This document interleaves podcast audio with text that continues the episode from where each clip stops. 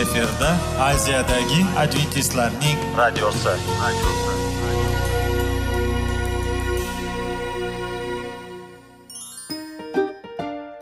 assalomu alaykum radio tinglovchimiz dasturimizga xush kelibsiz va bizni tinglayotganingizga sizdan judayam minnatdormiz bugungi bizning dasturimizning nomi sog'liq daqiqasi deb ataladi va biz sizlarga bu dasturda mevalarning foydasi haqida so'zlab bermoqchimiz ya'ni uning tarkibi uning tarixini va foydali xususiyatlari haqida. Aziz do'stlar mevani iste'mol qilish kerak ekan va biz boshladik ketdik.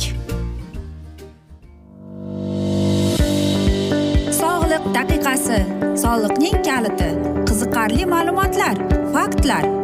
Har kuni siz uchun foydali maslahatlar. Sog'liq daqiqasi rubrikasi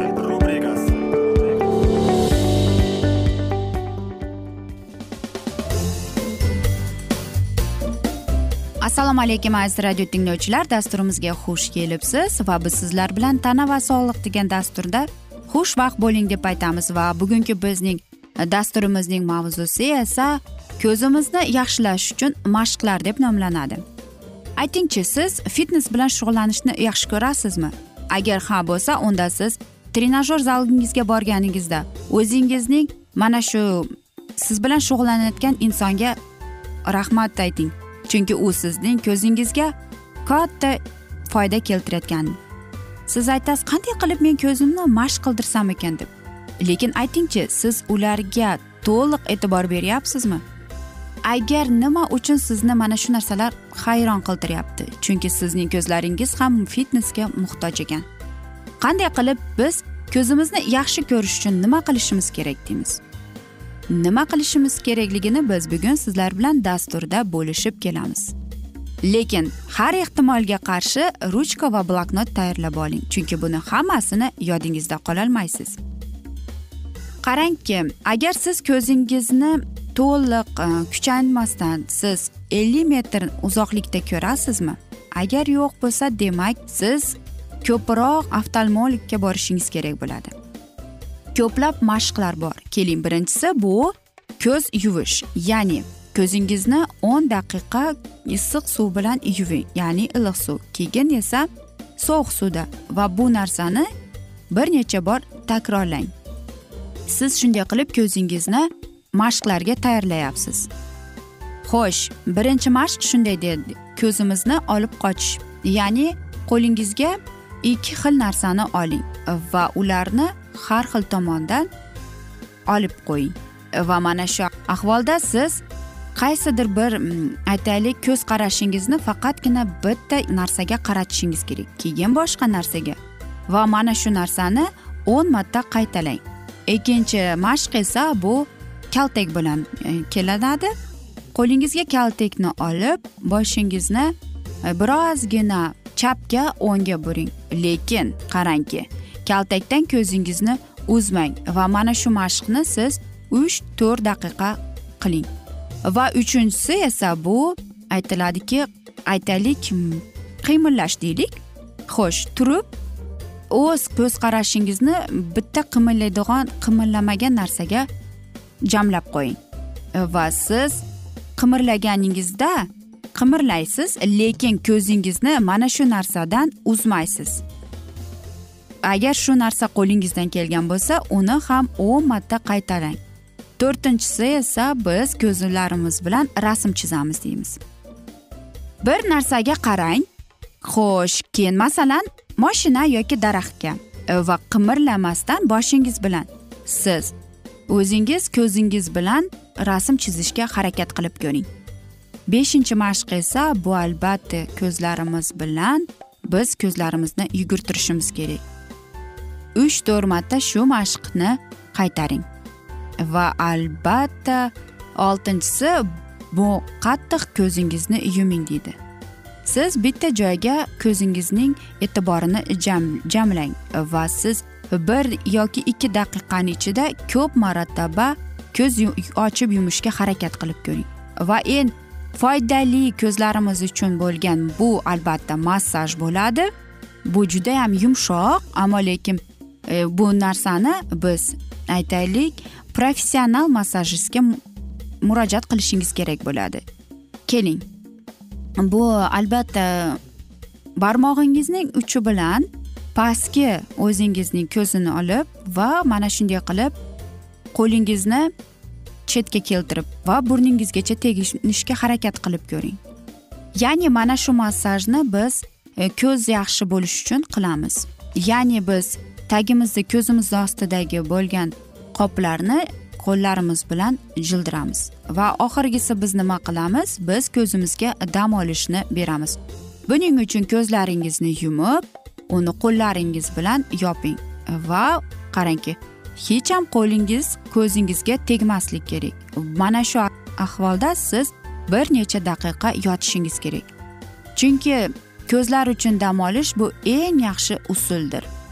Agar siz kompyuterda ko'p ishlasangiz unda siz bir necha daqiqa yumilgan ko'zlaringiz bilan o'tirishingiz kerak. Va siz kun bo'yi kompyuterda o'tirsangiz unda mana shu mashqni bir kunda ikki mahal qilishingiz kerak. Va vaqti vaqti bilan ya'ni bularning oralig'i qirq daqiqadan bo'lishi kerak ekan. Bir soatning ichida ya'ni siz aytaylik bir necha daqiqaga olganingizda mana shu har bir qirq minutda ko'zingizni yumib o'tirishingiz kerak ekan. Albatta siz aytasiz qanday qilib biz mana shu mashqlarni. Bu qiyin emas. Agar sizga ko'z qarashingiz kerak bo'lsa demak siz mana shu mashqlarni yasab qilasiz ham. Mana shunday ko'zlar uchun bo'lgan fitneslar xuddi shunday. Yana bir oxirgi sizlarga maslahatimiz bo'ladi. Ko'zingiz bilan mayda harf bilan yozishga harakat qilib ko'ring va mana shu narsani o'qing. Aziz do'stlar biz o'zimizning sog'lig'imizni qayg'uramiz. Ko'plab bizning ichki a'zolarimiz haqida ham azob chekamiz. Ammo lekin mana shunday oddiy lekin foyda beruvchi mashqlarni ko'zimiz uchun yasashimiz kerak. Agar biz buni unutmasdan har kuni qilsak bizning ko'zlarimiz mana shu mashqlardan so'ng albatta yaxshi ko'rib qoladi.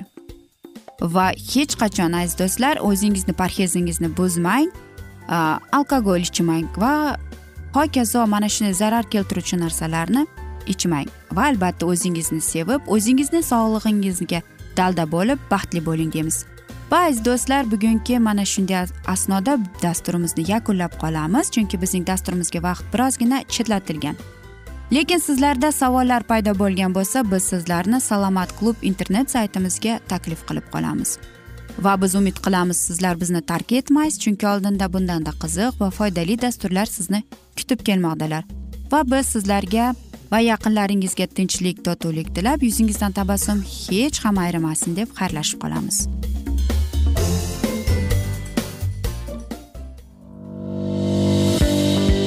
Sog'liq daqiqasi soliqning kaliti qiziqarli ma'lumotlar faktlar. Har kuni siz uchun foydali maslahatlar. Sog'liq daqiqasi rubrikasi.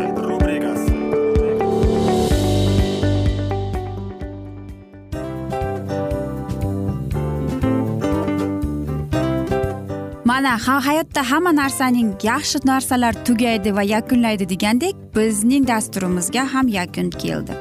O'ylaymanki bizning dasturimiz sizga foydali bo'ldi deb aziz radio tinglovchimiz va siz o'zingiz uchun kerakli xulosalar kerakli maslahatlar olib oldingiz. Aziz radio tinglovchimiz biz bilan qoling va keyingi dasturlarimiz albatta undanda qiziqroq bo'ladi. Mana shu alfozda sizlar bilan xayrlashib qolaman.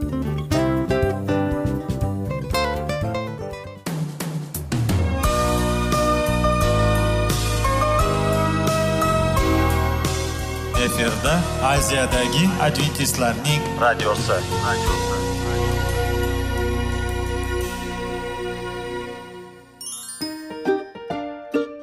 Assalomu alaykum aziz radio tinglovchilar. Dasturimizga xush kelibsiz. Va sizlarni bugun biz munosabatlar haqida sizlar bilan suhbat qurmoqchimiz. Ya'ni ikki sevishganlar to'g'risida yoki er xotinning o'rtasida bo'lgan munosabatlar haqida. Masalan yigit qizni qanday sevish kerak? Er xotinni qanday sevish kerak? Xotin erini qanday sevish kerak? Qanday munosabatda bo'lishi kerak ular bir biriga mana shunday haqida bizning mavzuyimiz.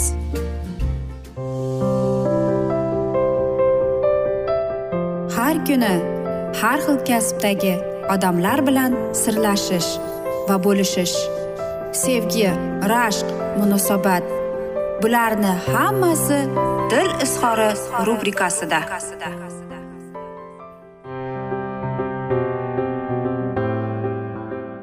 Assalomu alaykum aziz radio tinglovchilar. Dasturimizga xush kelibsiz.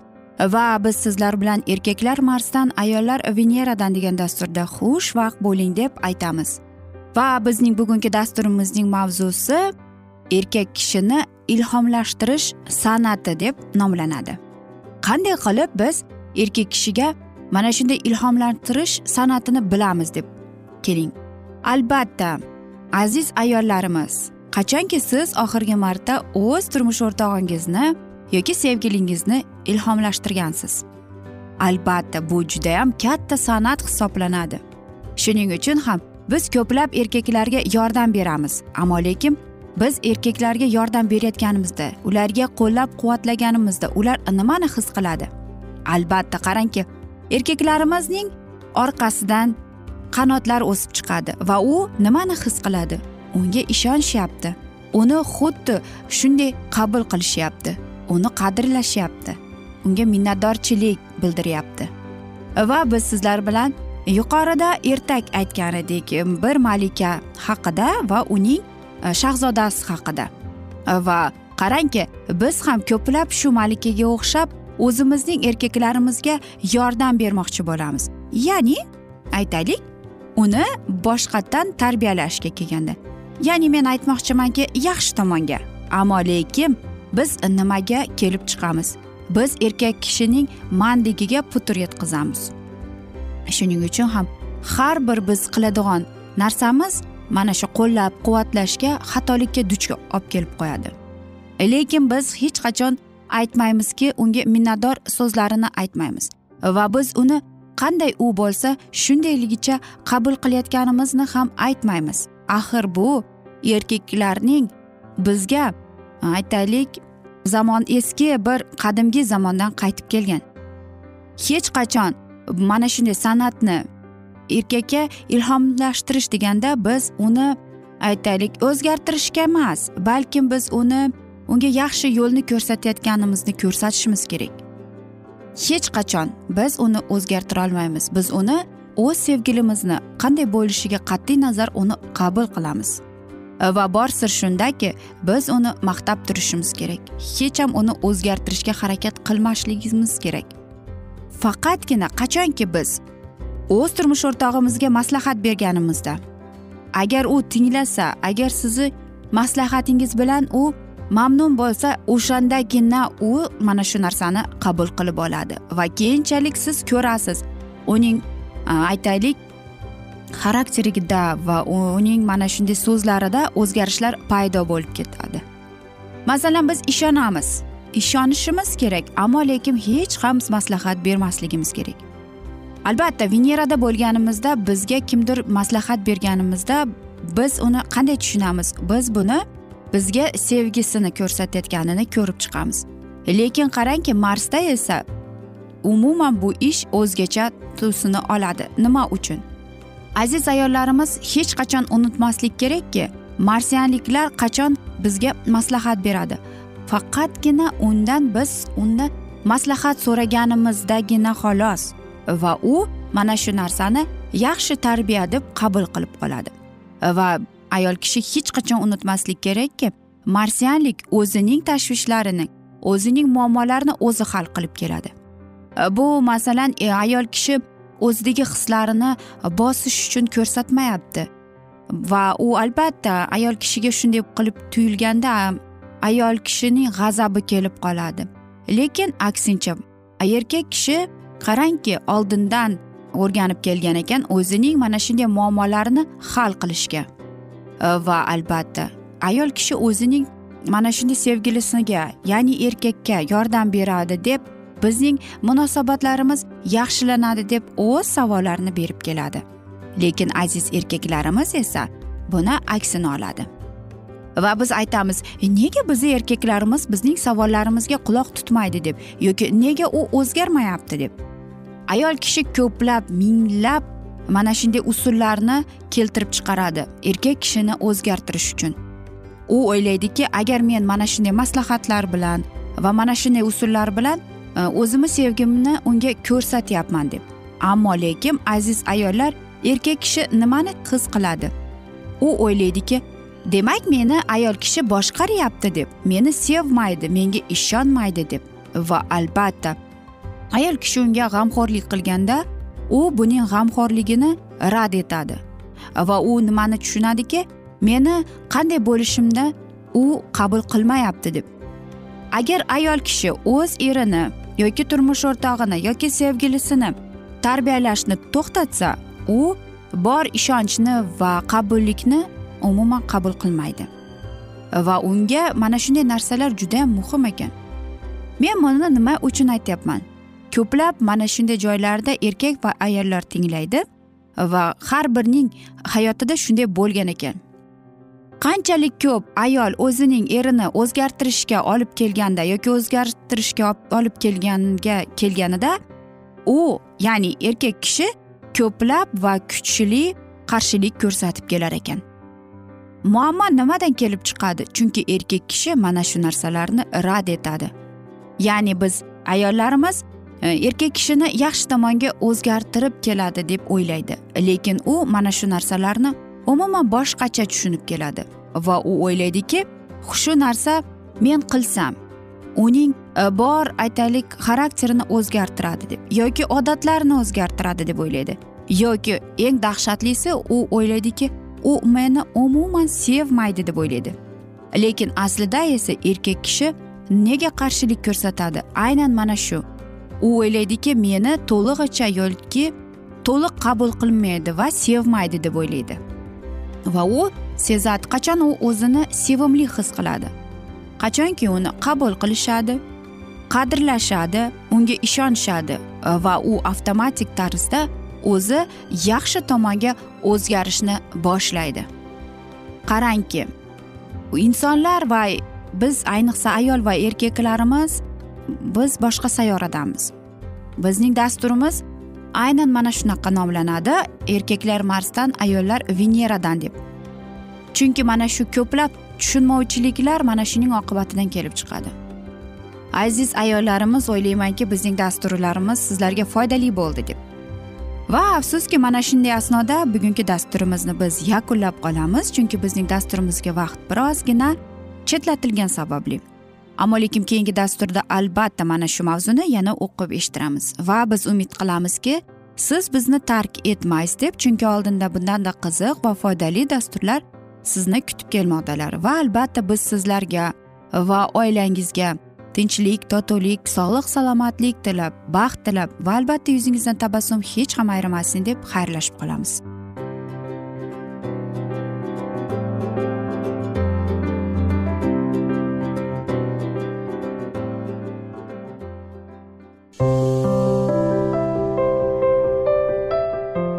Kuni har xil kasbdagi odamlar bilan sirlashish va bo'lishish sevgi rashq munosabat bularni hammasi dil izhori rubrikasida. Mana aziz radio tinglovchimiz bizning go'zal va foydali va chiroyli dasturimiz yakunlanib bormoqda. Sizlarga birozgina maslahat berib o'tmoqchi edik. Bir biringizni seving. Qadringizga yeting. Va erkalang albatta bir biringizni va sizga judayam chiroyli va mustahkam munosabatlar tilab qolamiz albatta. Sevgilingiz doimo yoningizda bo'lsin. Mana shu borada sizlar bilan xayrlashib qolamiz. Xayr.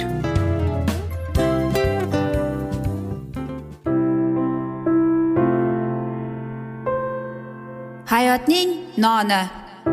Qiziqtirgan savollar va javoblar. Buning hammasi ko'ngil uchun oziqa rubrikasida.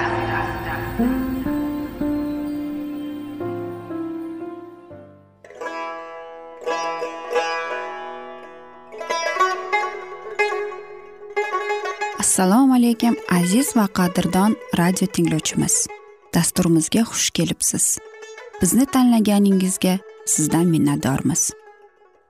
Va keyingi bizning E, mavzuyimiz diniy masalasiga kelib chiqadi.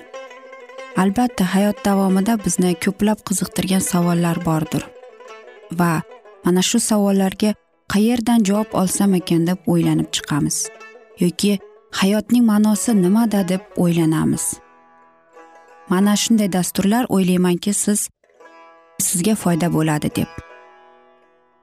Aziz do'stlar e, bugungi bizning mavzuyimizning nomi vahiy kitobning ochilishi.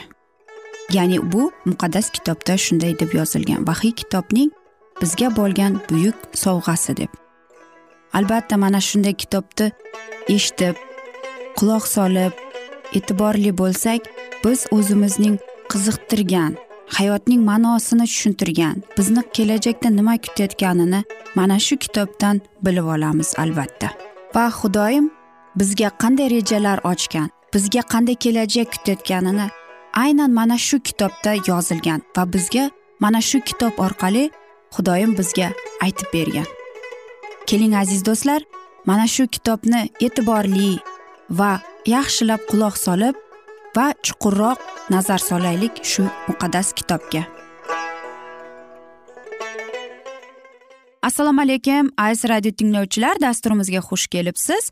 Va biz sizlar bilan ulug' kurash degan kitobni o'qib eshittirayotgan edik. Va bugungi bizning dasturimizning mavzusi britaniya orollarida xabarning tarqalishi deb nomlanadi va biz sizlar bilan o'tgan galgi mavzuni bugun yana davom ettiramiz. Ularning tasdiqlaricha o'zgarmas ilohiy qonun haqiqat o'lchovi sifatida mavjud emas balki jamiyat doimo o'zgarib boradigan axloqiy normalarni o'zi ishlab chiqaradi. Bu hamma g'oyalar bir xil ruhda uqtiriladi.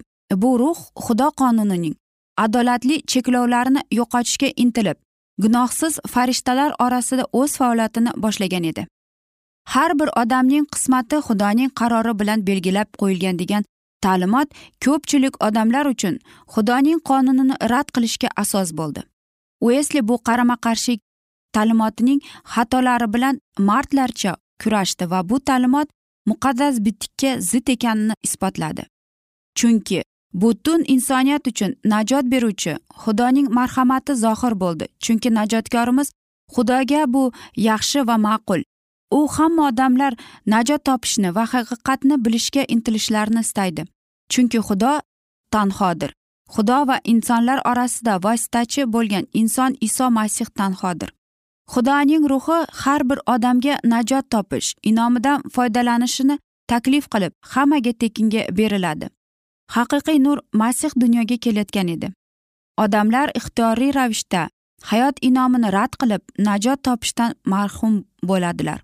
Masihning o'limi o'nta amrni va udum qonunlarni bekor qiladi degan gaplarga javoban uesli aytdi. O'nta amrda bayon qilingan va payg'ambarlar tomonidan tasdiqlangan axloqiy qonuni masih bekor qilmagan. U yer yuziga qonunning biror qismini bekor qilish uchun kelmagan. Axloqiy qonun hech qachon o'zgarishi mumkin emas. U xuddi osmonda ishonchli guvoh singari qo'zg'almas. U payd olam paydo bo'lgan paytdan beri bor edi va tosh lavhalarga emas balki yaratgan o'zi qo'li bilan qilgan odamlarning yuraklariga o'yilgan. Hozirda xudoning barmoqlari bilan chizilmagan yovuz yozuvlar gunoh tufayli buzilgan ongimizda ezgulik va yovuzlik yashar ekan. Ular hech qachon tamomila o'chib ketmaydi. Bu qonunning har bir amri asrlar davomida hamma insoniyat uchun kuchida qolishi kerak. Chunki qonun zamonga ham joyga ham o'zgarishga mutlabo qilingan qandaydir boshqa omillarga ham bog'liq emas balki xudoning tabiatiga insoniy tabiatiga va ularning bir birlariga munosabatlari o'zgarmaslikka bog'liq. Men buzgani emas bajo qilgani keldim. Shubhasiz masih bu o'rinda quyidagilarni anglatardi men insoniyatning teskari talqinlariga qaramay hamma narsani to'lig'icha tiklash uchun keldim. Tushunarsiz va aniq bo'lmagan hammasini oxirigacha tushuntirish uchun keldim. Har bir amirning haqiqiy mazmunini ochish uning uzunligini kengligini faoliyat doirasini ko'rsatish uchun keldim. Balandlikni va chuqurlikni yuzaga chiqarish qonunni hamma tomondan aql bovar qilmaydigan poklikni va ruhiyatni aniqlash uchun keldim. Uesli qonun va injilning mukammal mufoqligi to'g'risida shunday degan edi. Qonun va injil o'rtasida nihoyatda zich aloqa bor. Buni faqat tasavvur qilish mumkin. Bir tomondan qonun doimo injilga yo'lni tekislab boradi va bizni unga qaratadi. Ikkinchidan injil bizni doimo qonunni aniqlik bilan ijro etishga yo'llantiradi. Qonun bizdan xudoni yaqinlarimizni sevishimizni kamtar itoatkor va aziz bo'lishimizni talab qiladi. Ammo bu tarzda yashashga loyiq emasligimizni biz his qilamiz chunki insonga buning imkoni yo'q. Ammo biz rabbiyning va'dalarini eslaymiz. U bizga shunday sevgini berib bizni itoatkor mo'min va muqaddas qilishga va'da bergan. Biz bu injilni bu xushxabarni qabul qilamiz va iymon bo'yicha va'da olamiz. Shunday qilib iso masihga iymon keltirish orqali qonunning solihligi bizda bajo bo'ladi. Injilning asosiy dushmani deb davom etdi uesli qonuniy ochiqchasiga aniq badnom qilib hukm qiladiganlardir. Odamlarni qandaydir bitta eng oson e, yoki eng qiyin amrini emas balki hamma amrni birdaniga buzishga yo'q qilishga bekor qilishga o'rgatgandir. Bu odamlarning samimiy ishonchi eng ko'p shunisi ham bilan hayratda qoldiradiki ular qonunni rad qilib masihni va uning xizmatini yuksalarga ko'taradi. Lekin ular masihni yahudodan ko'p izzat qilmaydilar. Yahuda aytgan edi ustoz xursand bo'ling deb uni o'pgan edi. Rabbiy ularning har biridan so'rashga haqli. Inson o'g'lini o'pish bilan sotasanmi? Agar ular injilning muvaffaqiyatiga yordam berish uchun masihning qoni haqida vaz qilib va shu bilan birga uni shohning tojidan mahrum qilsalar uning qonunining biror qismini bekor qilsalar ular masihni o'pich orqali sotgaymi?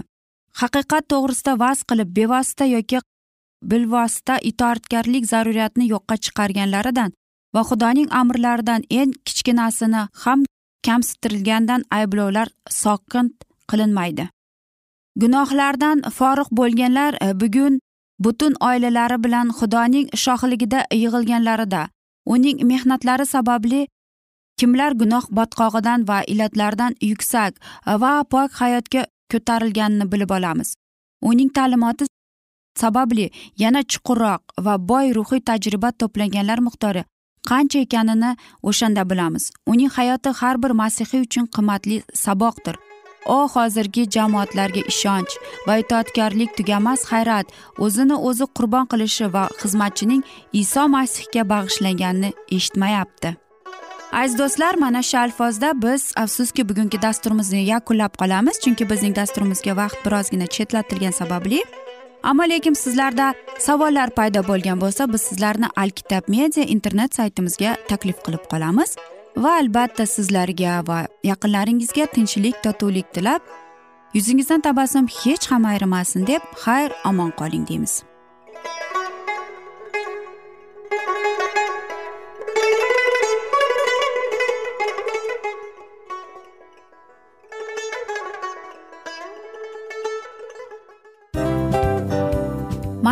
Aziz radio tinglovchimiz hamma yaxshi narsaning yakuni bo'ladi degandek bizning ham dasturlarimiz yakunlanib qolmoqda. Aziz do'stlar o'ylaymanki bizning dasturlarimiz sizlar uchun judayam foydali bo'ldi deb bizning dasturlarimizdan siz o'zingizga foydali va judayam kerakli maslahatlar oldingiz deb. Masalan sog'liq borasida. Biz sizlarga sog'liq tilaymiz albatta lekin bizning maslahatlarimizga ham amal qilishga unutmang. Munosabatlarga kelganda bu munosabatlar chuqur va yaxshi bo'lishi uchun uni ustidan ishlash kerak albatta. Diniy masalaga kelsak aziz do'stlar bu judayam jiddiy va chuqur nazarni talab qiladi. Ammo biz sizlar bilan xayrlashib qolmaymiz keyingi dasturlarda eshittirishimizni davom ettiramiz va sizlar bilan mana shu yaxshi kayfiyatda xayrlashib qolamiz. Va keyingi dasturlarda ko'rishguncha xayr!